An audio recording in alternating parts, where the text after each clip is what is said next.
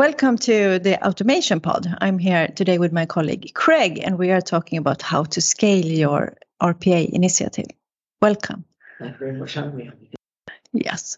So, I mean, you have such a great experience in uh, RPA, and you have seen so many customers, and you have helped them scale, and and and I think apart from that, we have, or based on that, we have this um, developed a set of services we have indeed, yes, yes, advisory services in digital workforce. Yes. Can you please tell us a little bit about what that is and how you go about it? Certainly. Yes. Well, since joining the organisation about two years ago, it was one of the objectives the, the founders bringing me in wanted me to look at setting up, which was utilising my experiences and knowledge, as you say. Um, and how can we actually package that up in a way that's going to help our customers elevate um, and, and actually elevate them through that, that journey, you know, so scaling is part of it. So as, as part of advisory services, we are coming up, always coming up with new services, new ways of how we can help uh, customers and new organizations and new customers. Um, but advisory services is all about leveraging our our own experiences as well not just mine, the whole team, whole organisations. Um, we have a wealth of knowledge and experience in the organisation. So, what better way to start packaging that up in, in advisory services? Mm-hmm. And we have done a few advisory services together on a few accounts. So I know a little about it. We have indeed, I think. Yeah. We worked quite a lot together. Yeah, yeah, yeah, good. But but for the ones listening in, can you please explain how those advisory services go about? What do you do in that in such a session, and how do you take on a account or customer dialogue? Yes, it's a great question. So from an advisory perspective, um, it's it's very much from my experiences as well seeing this that when third parties come in, it's very much focused on the technology. And like mm. it, it, RPA is technology, it's a software, it's you know. However, organizations that want to scale and scale properly leverage what I would call an operating model, you know. Um, and that is underpinned by strategy, process, people, and, and technology.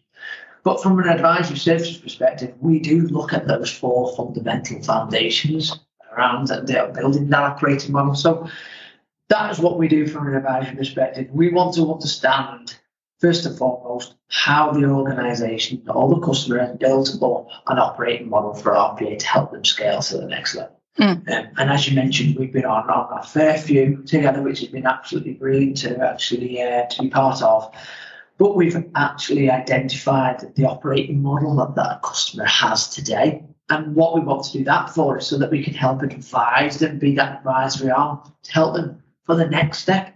Um, you know, so literally those steps that they're going to take next. Before you take those steps, you always want to sort of uh, align in the sand on where you are today. Is there any gaps you need to bridge? Um, and if there are, what advice, what guidance, what support uh, can be given. Uh, and that's what we look to do from an advisory services perspective mm. to, to sort of give that sort of roadmap of what the future looks like, but how can that customer get the leveraging our advisory services? And you have a set of questions that you run through and with the dialogue form. And then the customer they get sort of like a score.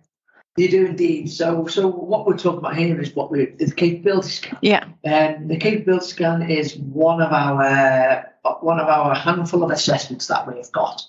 But the capability scan is is one of those that is a sort of a short, sharp, high-leveled approach that does allow us to capture the right level of detail. So, as you mentioned, there we do have a sort of a set set criteria within. Um, but because it's a two hour, it's very conversational, just like what we're having here today. Mm-hmm. Where from an advisory services, we know what questions to ask that drives into that level of detail that we are actually looking for. So the sessions are never that robotic, mundane, mm. um, going through question at a time. It's more like a chit chat, exactly. Yeah, it's like a nice meeting, and then like, how are you doing about this, and how are you doing about that, and what's your succession plan, and uh, yeah. Yeah, it, it, yeah. never to put a customer or a new lead under any sort of any pressure that what they tell us is right or wrong. It's all about fact finding. It's all about gathering the right level of information. And as you mentioned, at the end it becomes an output. It's a very high level report. It's a score.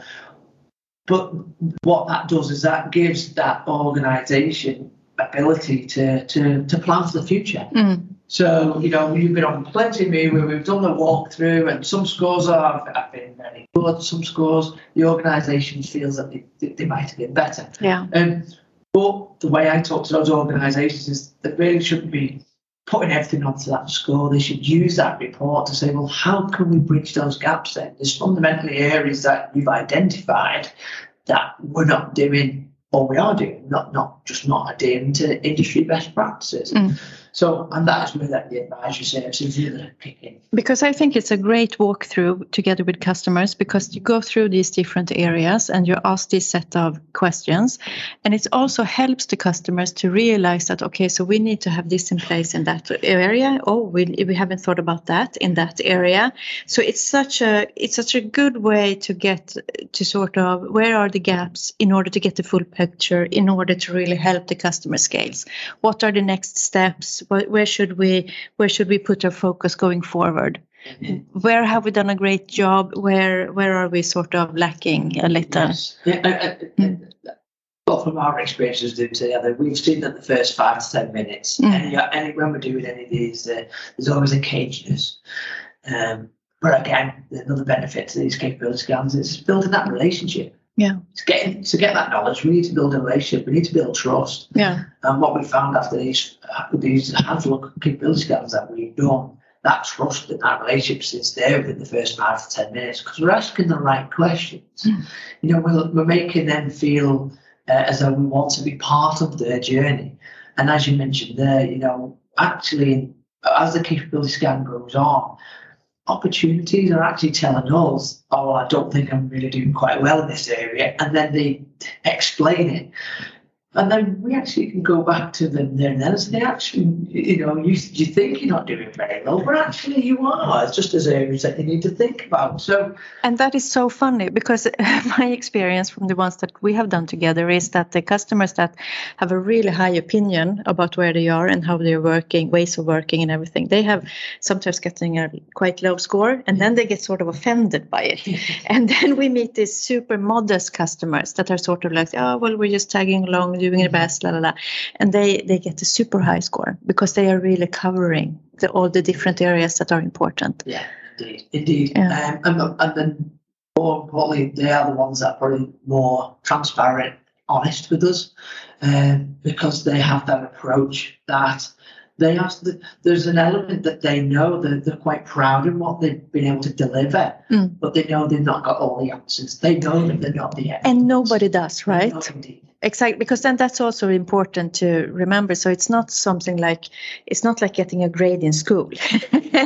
it's like how how good are you or how bad are you or stuff like. It's really just a, um, a report on sort of take a temperature. Where are you today, and where are the areas where there might be. Yes. I mean, more to work on Yeah. because no one gets a score that's hundred percent. No. If, well, if anyone had got a score of 100%, either number one, we've got it wrong in terms of suggesting they need Oh. a mm. capability scan, or secondly, they, they've not been upfront and honest with us. But you make a, yeah, a really good point. That's why the report at the end is, is only a two pager.